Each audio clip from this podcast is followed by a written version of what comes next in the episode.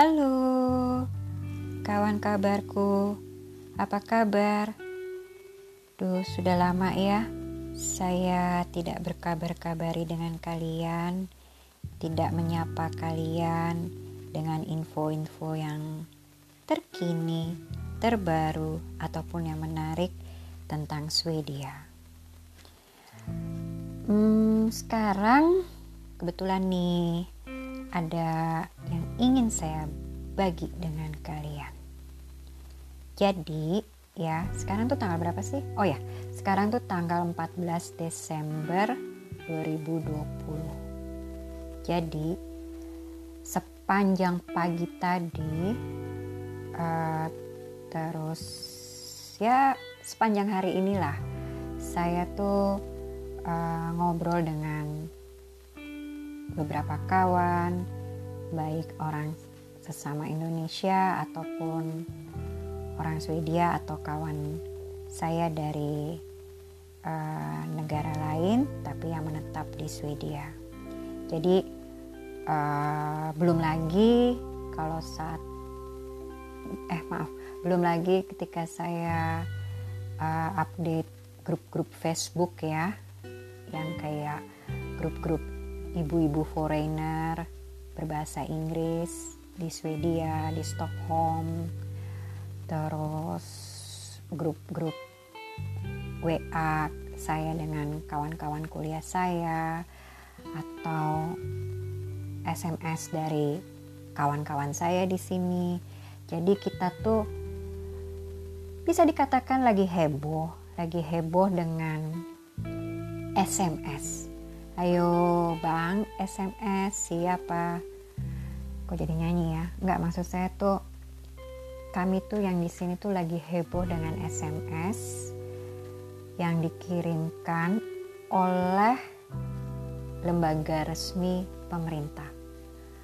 Reaksinya tuh beragam dari mulai yang nganggap ini scam, spam atau ya biasalah uh, SMS apaan sih nih? Gitu kan. Kalimatnya juga singkat bahkan nggak jelas gitu kan. Jadi ya menimbulkan banyak reaksi. Namun setelah saya telusuri setelah saya uh, cari tahu apa sih SMS ini gitu kan? Apa sih maksudnya SMS ini? Dan siapa sih pengirimnya? Kalau saya pribadi ya untungnya tuh saya pernah uh, baca tentang uh, Swedia itu ya mempunyai lembaga resmi. Ya kalau bahasa Indonesia-nya tuh bisa dikatakan Badan Penanggung, Penanggulangan Krisis dan Bencana atau bahasa Inggris yaitu The Swedish Civil Contingencies Agency. Bahasa Swedianya Myndigheten for Samhällsskydd och Beredskap. Terus akhir-akhir ini juga saya tuh selalu update dengan instastory-nya atau Instagram feed-nya lembaga resmi pemerintah Swedia yang lainnya yang disebut dengan krisinformation.se sebuah laman resmi ya yang membahas tentang info-info situasi krisis apa sih yang sedang terjadi di Swedia terkini gitu loh. Nah, saya udah feeling nih suatu saat pasti akan ada SMS semacam itu. Jadi SMS ini ya memang sengaja dikirimkan ke publik Swedia yang nomornya, nomor telepon selulernya tuh tercatat. Jadi lembaga uh, apa The Swedish Civil contingency agency ini tuh bekerja sama dengan beberapa perusahaan operator telepon seluler untuk mengirimkan SMS ini. Jadi semua orang pasti dapat. Nah, di SMS itu juga memang sih pesannya uh, saya baca ya pesannya tuh Ntar dulu saya saya saya buka dulu uh, jadi pesan di SMS itu sih lebih ke harapan ya ini saya saya saya terjemahkan dalam bahasa Indonesia sebisa saya ya uh, uh, suggestion kami-kami di sini tuh untuk uh, benar-benar mengikuti protokol kesehatan, rekomendasi kesehatan untuk menghentikan penyebaran virus corona. Dan untuk lebih detailnya, kita uh, harus baca di website krisinformation.se. Ya, di krisinformation.se itu jelas banget apa aja sih yang bisa kita lakukan untuk membantu pertama meminimalkan dan kalau menurut saya sih sampai adanya SMS ini sih udah bukan meminimalkan lagi. Pokoknya kita diminta lah partisipasinya untuk menyetop penyebaran penularan virus ini. Gitu. Ya benar sekali. SMS ini memang terkait dengan situasi kondisi pandemi corona di Swedia dan Skandinavia. Uh, ya menurut saya sih wajar kalau reaksi publik itu beragam dan terlepas hal ini bagian dari aktivitas komunikasi institusi resmi negara tersebut ya. Namun menurut saya sih pesan dalam SMS itu tuh tersirat banget kok, jelas banget. Kalau kami-kami di sini ya, itu harus lebih aware lagi, waspada tentang situasi kondisi pandemi. Bahkan udah harus lebih serius lah untuk menjalankan dan mematuhi protokol dan rekomendasi kesehatan pemerintah Swedia tersebut. Udah nggak bisa main-main lagi gitu loh maksudnya. Karena memang harapannya tuh udah bukan meminimalkan lagi menyetop penularan dan penyebaran uh, virus setidaknya ya uh, angka pasien yang terdeteksi COVID ini bisa berkurang gitu ya. Terus uh, tim nakes tenaga kesehatan dan medis bisa bekerja dengan optimal karena kalau saya baca di berbagai media resmi Swedia baik online atau cetak bahkan menyimak di televisi dan Swedia itu termasuk yang rajin loh untuk mengupdate uh, info terkini melalui konferensi persnya. Ya yang bisa kita dengar bareng-bareng di radio atau kita simak bersama di televisi gitu ya. Ya uh, ada informasi uh, jumlah kapasitas rumah sakit sudah mulai berkurang khusus untuk menangani uh, apa menangani pasien tersebut ya pasien corona tersebut. Terbatas bukan berkurang maksudnya maaf saya ralat terbatas. Jadi dengan kata lain juga tim tenaga medis itu juga berharap aduh please dong kalian itu aware gitu kan turuti apa uh, rekomendasi pemerintah karena jumlah kapasitas rumah sakit itu sudah semakin terbatas. Terus uh, banyak juga tenaga-tenaga medis yang mulai teridentifikasi, terdeteksi juga mengalami uh, simptom corona. Ya, artinya ya kita dimintalah kesadaran dirinya untuk apa ya, untuk ya serius gitu loh serius dan nggak menganggap ini main-main gitu apalagi kan um, sejak November bahkan awal November itu kan bener-bener diketatkan kembali kan restriksinya dari yang dulu boleh maksimal 50 orang kumpul-kumpul sekarang cuma boleh 8 orang gitu kan. Terus yang tadinya siswa SMA uh, boleh sekolah sekarang harus di rumah. Terus dan lah banyak lagi lah restriksi yang semakin ketat ya menurut saya sih secara pribadi ya ini opini pribadi. Uh, apa himbauan himbauan pemerintah Swedia ini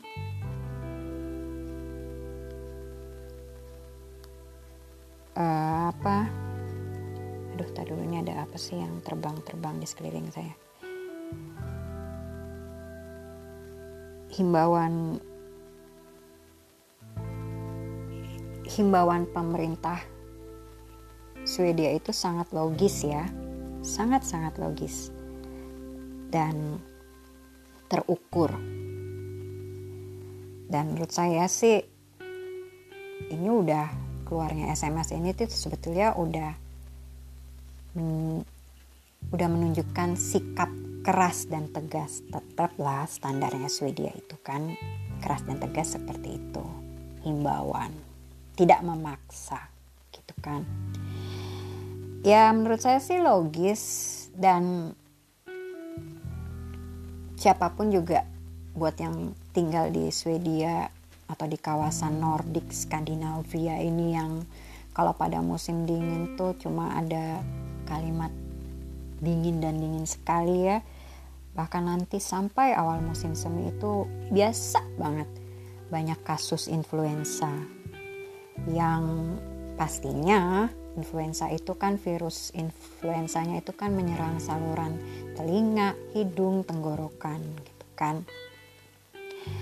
Dan virus flu itu kan bandel banget.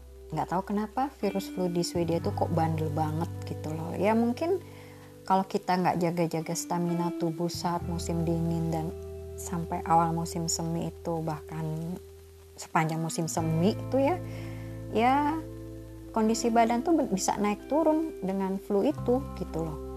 Makanya tanpa ada pandemi pun sudah ada tuh disarankan untuk melakukan vaksinasi vaksinisasi influenza gitu loh karena aduh nauzubillah min zalik.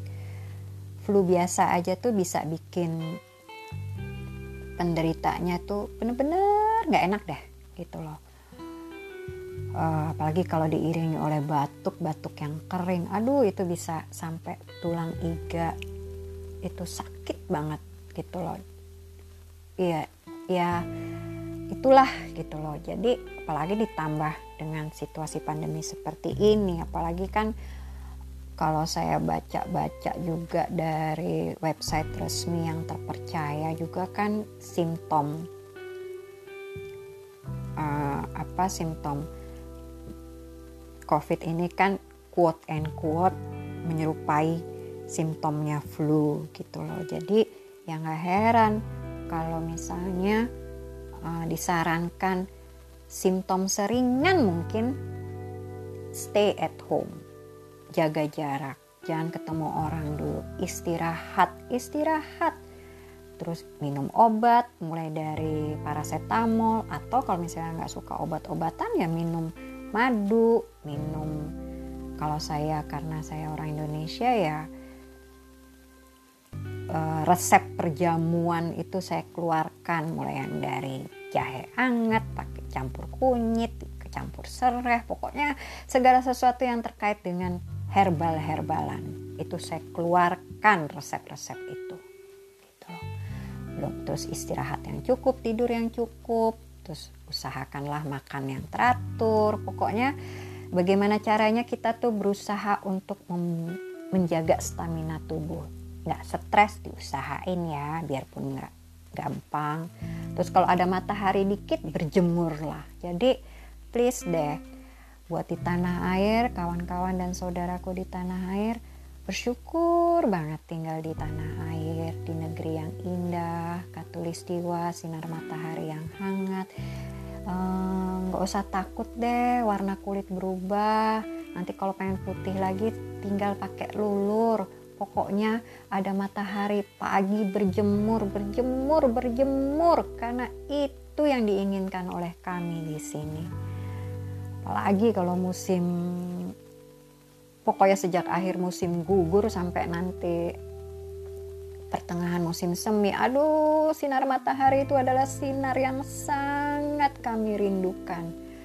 Karena selalu gelap, udah gelap dingin, kering lagi, nggak lembab. Aduh, pokoknya sinar matahari itu sangat-sangat kami rindukan. Jadi nggak heran kalau kami-kami di sini quote and quote jadi kayak pengagum dewa matahari gitu loh jadi kalau di sini ada matahari bersinar dikit ya nggak heran lah kami berduyun-duyun menikmati sinar matahari itu gitu ya kalau dikembalikan lagi ke pandemi ya ya udah apa yang bisa kita lakukan lah untuk membantu meminimalkan bertambahnya pasien, meringankan kerjanya tim tenaga medis, atau buat yang punya pilihan untuk kerja dari rumah atau belajar dari rumah, lakukanlah. Ya siapa pun, saya juga paham banget, saya juga merasakan pasti kangen untuk kumpul-kumpul, pengen jalan-jalan, ngemol, ngafe, ngerumpi, siapa sih yang nggak pengen itu semua? Karena memang kita kan kodratnya man, manusia itu makhluk sosial. Siapa sih yang nggak pengen gitu loh? Tapi kalau menurut saya sih kita juga harus ingat gitu ingat ke orang-orang yang bahkan nggak punya pilihan untuk work from home study from home. Kayak oke okay lah tim tenaga medis memang itu adalah part of their jobs gitu kan. Tapi maksud saya itu kayak petugas-petugas kebersihan, terus public-public officer, uh, kayak misalnya apa supir kereta, bapak masinis ya, terus atau uh, bapak supir bus atau orang-orang yang bekerja di servis lah yang memang harus tetap bekerja gitu loh yang untuk tetap menjalan apa supaya roda kehidupan roda ekonomi ini sosial itu tetap jalan gitu loh. Uh, kan mereka ibarat kata nggak punya pilihan.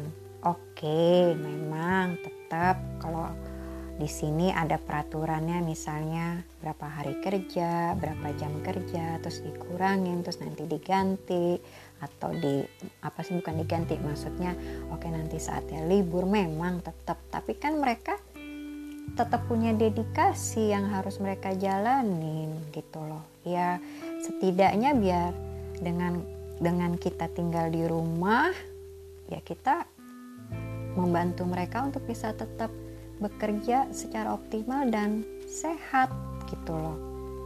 Ya biarpun kita nggak bisa tahu lah sekarang kan situasinya itu kalau berdasarkan pengalaman kawan-kawan saya yang tertular atau terdeteksi itu udah nggak tahu lagi kita tertular atau menulari siapa dan dari mana dan kita tertular di mana. Karena situasinya tuh udah orang yang sehat aja yang cuma di dalam rumah aja bisa kena gitu loh. Terus atau uh,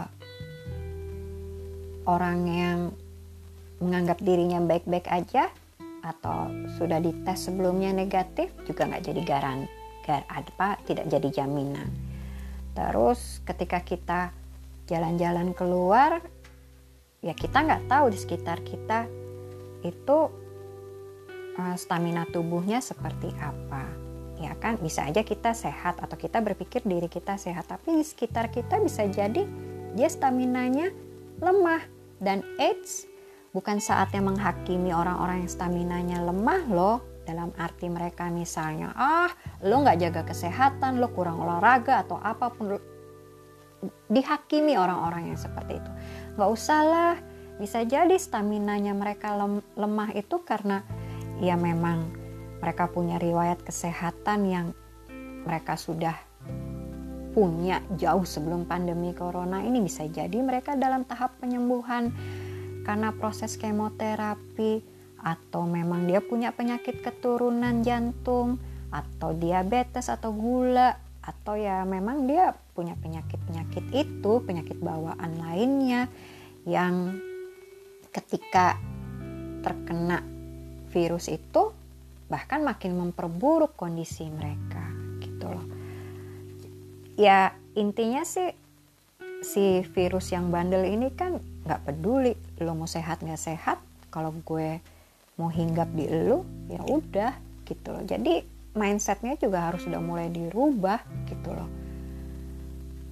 Kalau dulu kan virus itu pasti identik dengan orang yang sakit. Lah sekarang virus ini nempel bu nempel di tubuh orang yang sehat gitu loh dan di satu sisi juga kan kadang-kala kita juga nggak aware dengan riwayat kesehatan kita. Mungkin kita jarang general check up atau bagaimana, ya kan? Gitu loh. Jadi ya intinya uh, sebelum saya akhiri ocehan receh saya ini gitu ya. Intinya dengan adanya SMS ini gitu ya, SMS yang membuat heboh publik Swedia ini itu sudah sepatutnya kita cermati pesan yang jelas-jelas sekali tersirat.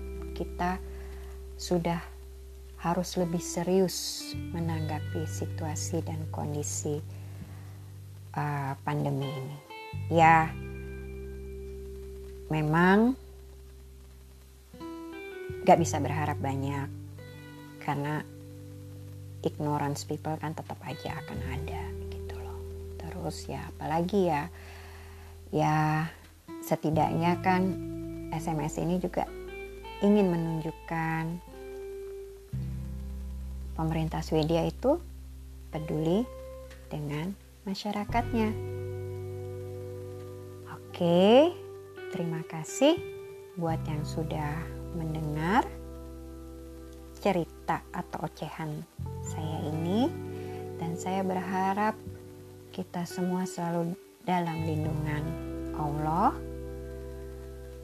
selalu sehat walafiat dan buat yang sedang sakit di mana pun kalian berada saat ini uh, segera disembuhkan terus buat yang sudah pergi menghadap Allah karena situasi pandemi ini semoga di apa diterima seluruh amal ibadahnya. Dah sekian dulu. Take care, stay healthy. Salam sehat dari Stockholm. Bye bye.